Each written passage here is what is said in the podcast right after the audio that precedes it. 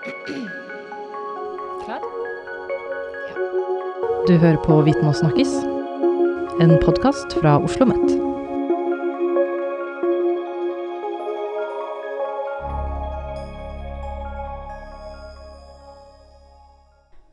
Mitt navn er Julie Solvin Jacobsen, og velkommen til podkasten Viten og snakkes. I dag skal vi snakke om et litt mer alvorlig og skambelagt tema, nemlig ensomhet.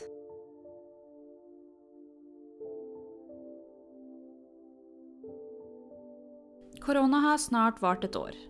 Og det at folk nå føler seg litt øh, hva skal man si, sulten på nærkontakt av andre, er jo ingen hemmelighet lenger. Man nistirrer på en PC-skjerm hele dagen, og det sosiale samværet uteblir for ganske mange. Og det er her konseptet ensomhet kommer inn, fordi en undersøkelse Folkehelseinstituttet hadde i desember, altså desember 2020, viser at hele én av tre studenter føler seg ensomme. Og dette kom jo ikke som et sjokk, verken for meg eller de fleste andre som har levd det siste året.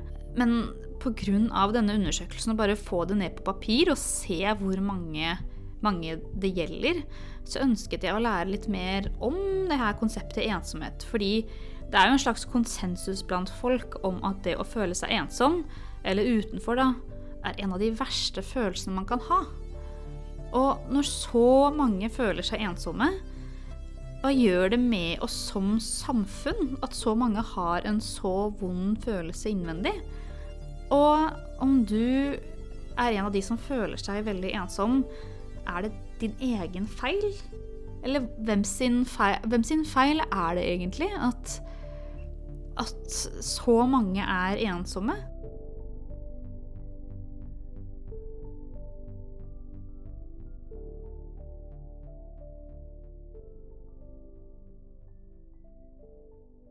Så etter å ha gjort litt research, så ser jeg jo det at ensomhet er jo på dagsorden som aldri før.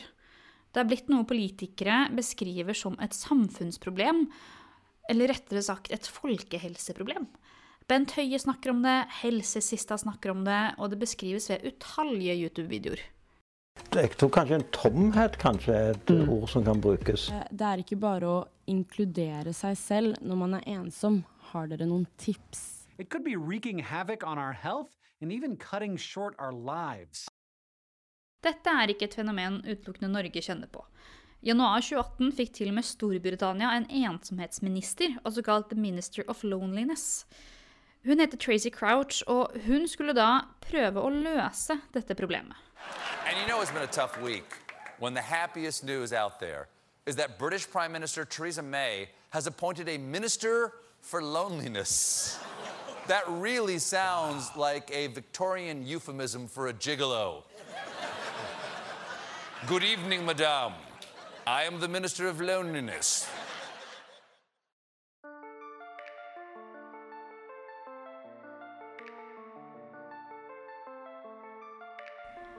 Men hvis vi skal se på den mer faglige biten, hvordan beskriver man egentlig ensomhet som konsept? For ensomhet som jeg kjenner det, kan jo være noe annet enn sånn du kjenner det, kan det ikke det? Jeg har pratet med professor i sosiologi fra Oslo OsloMet, Marit Haldar, om dette. Jeg har sagt noen ganger at jeg tenker at ensomhet er søstera til fellesskapet. Um, og det betyr at liksom ensomhet Man hadde ikke hatt ensomhet hvis man ikke hadde hatt et fellesskap, da.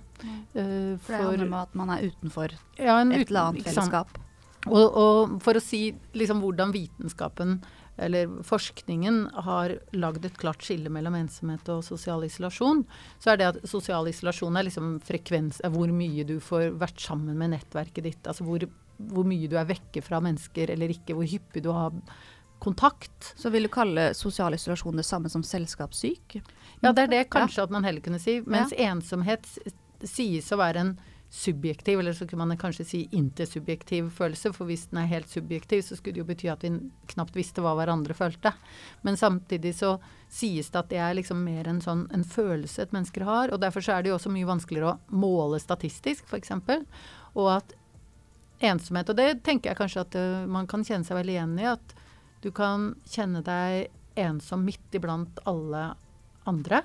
Mm. Eh, F.eks. føle at alle andre er veldig med på noe, eller er veldig i et fellesskap om noe. Det er derfor jeg sier at jeg tenker at ensomhet er eh, søstera til fellesskapet.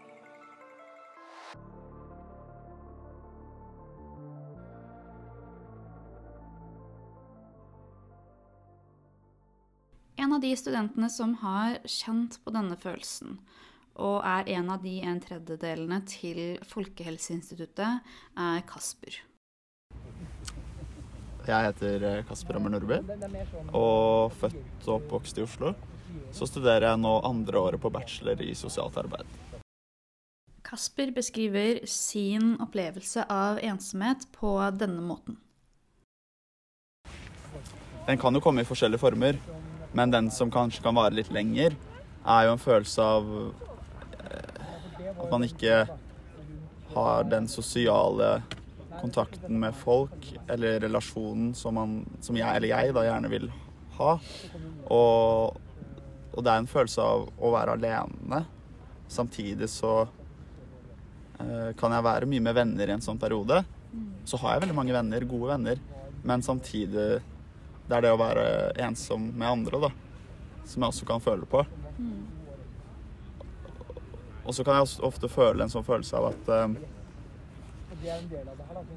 At jeg tror folk ikke ville være med meg, eller sånne ting, som går på det sosiale. Og da Det, det er da ensomhetsfølelsen kan komme frem, og det føl, da føler jeg meg så Da føler jeg meg så alene, da. At jeg på en måte ikke Det er ikke noe jeg heller kan gjøre.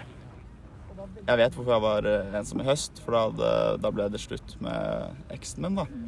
Og så var det en veldig vans... Og så begynte ting å stenge enda mer ned, som gjorde Da var det ikke noe lettere å komme ut av et forhold, på en måte. Smittevernreglene oppfordrer jo til utestenging, på en måte. Og det er ikke bare med de som bor alene, men det er også når man må på en måte velge sin kohort, da, så er det veldig mange som garantert blir utelatt, som ikke har så mange venner. Og, og hvis man er i en, bare en litt større gjeng, og så velger de andre hverandre og ikke deg, så er jo det kjempesårt. Og det, det, det ja. Man blir ensom av det. Samtidig som man blir lei seg av andre følelser.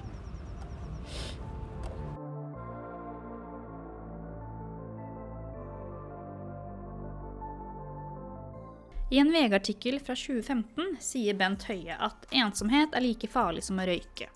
Han sier videre at det gir større fare for psykiske helseutfordringer, og har faktisk innvirkning på den somatiske helsen, som hjerte- og karsykdommer, diabetes og andre livsstilssykdommer.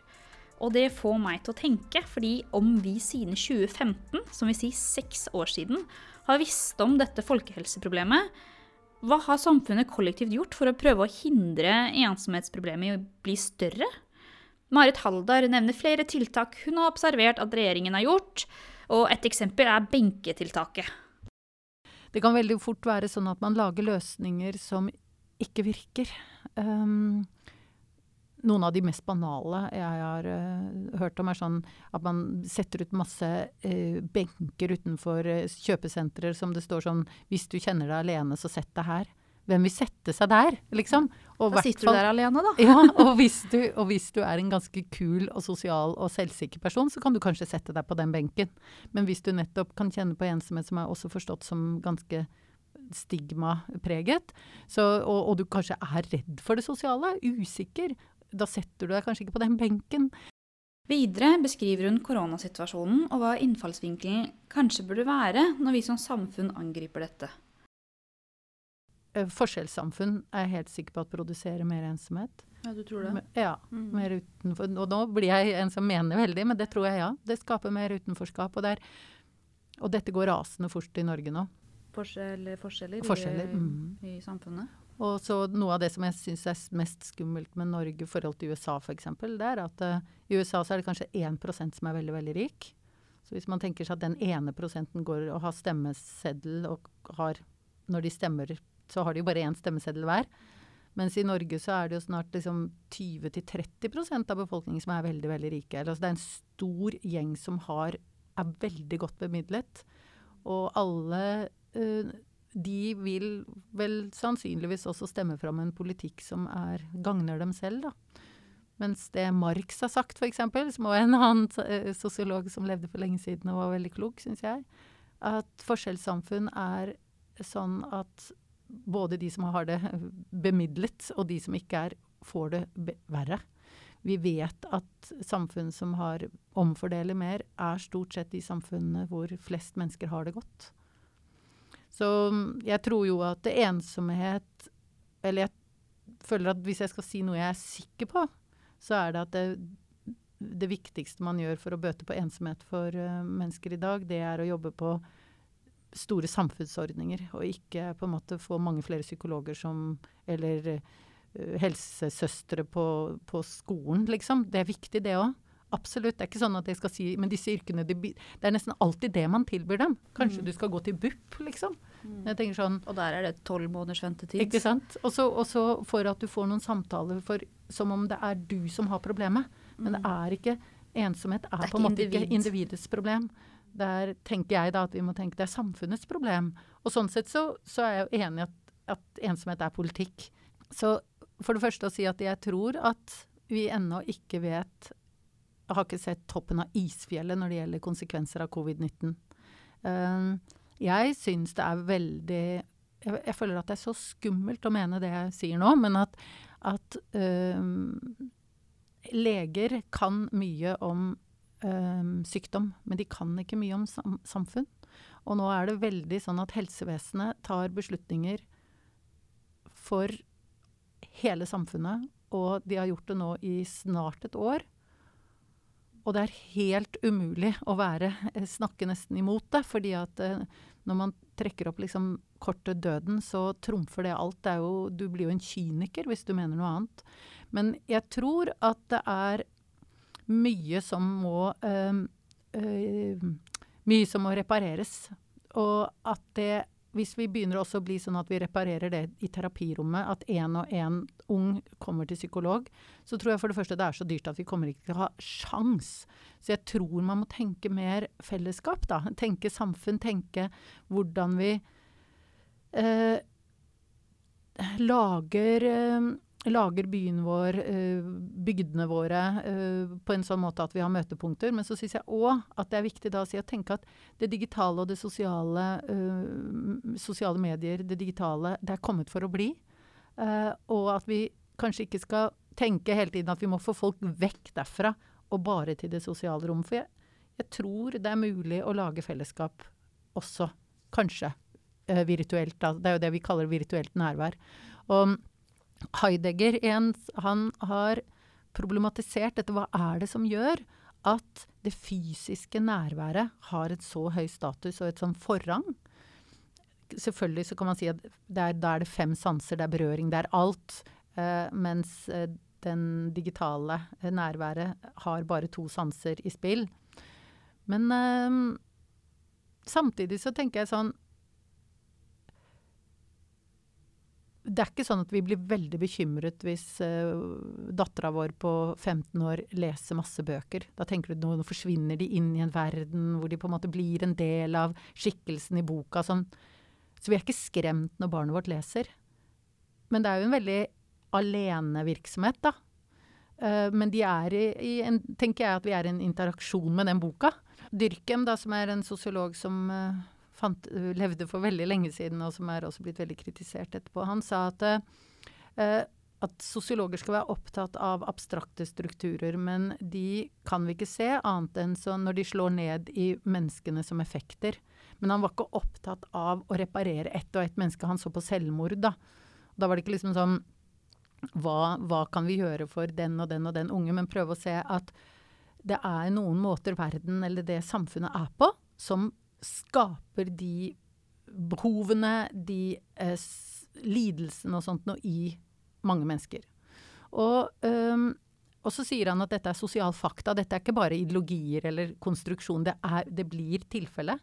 Og istedenfor å tenke liksom at, at, um, at det høres provoserende eller ut som en sånn sosial konstruksjon å si at, at uh, anoreksi og bulimi er samfunnsskapte sykdommer, så tenker jeg at det betyr ikke at det ikke fins, og at ikke de er kjempealvorlige. Men det er visse typer samfunn som produserer anoreksi. Og så er det visse typer samfunn som produserer ensomhet.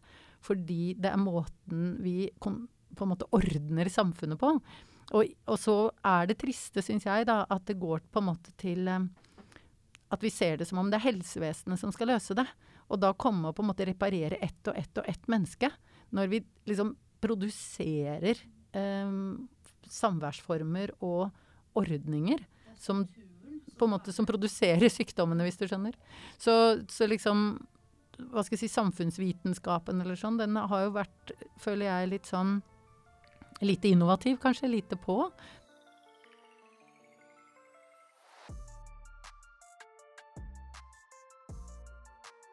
Marit Halldal forsker også på teknologiske tiltak som skal kunne minske ensomheten i befolkningen. Hun beskriver hvordan vår definisjonsmakt er det som former innfallsvinkelen hos entreprenørene som skaper og produserer produktene, og hvordan kommunene tar imot disse forskjellige tiltakene. Det vi har gjort med de teknologiene, er at vi prøver nesten å følge dem som at vi bare øh,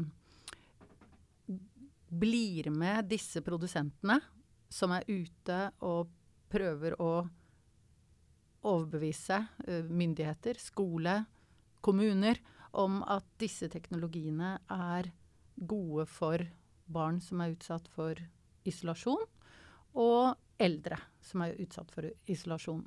Og så stiller ikke vi liksom et sånt spørsmål om disse teknologiene er veldig bra, eller at de er eh, ikke noe bra.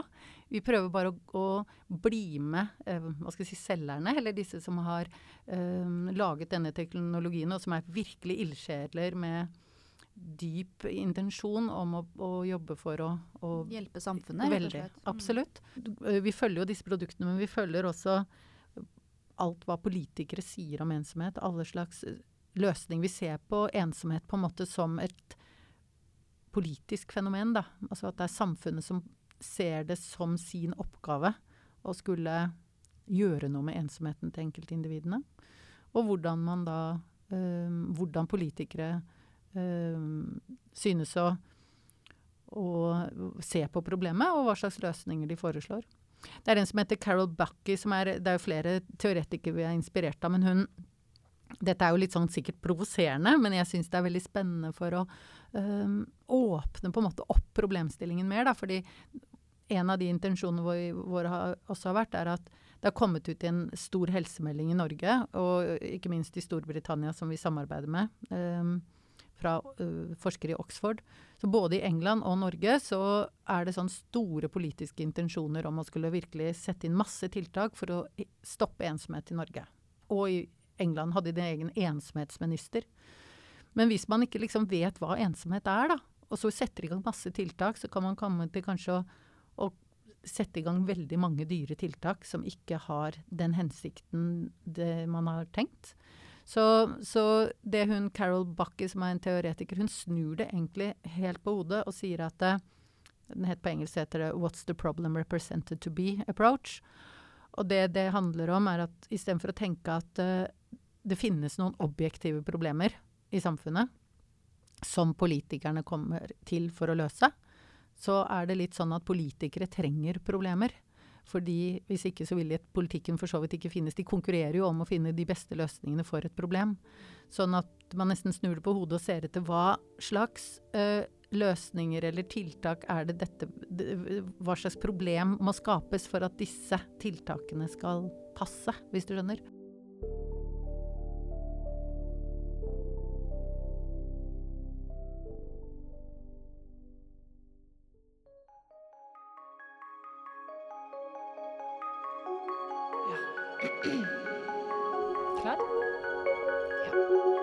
Du hører på Viten og snakkes, en podkast fra Oslo Met.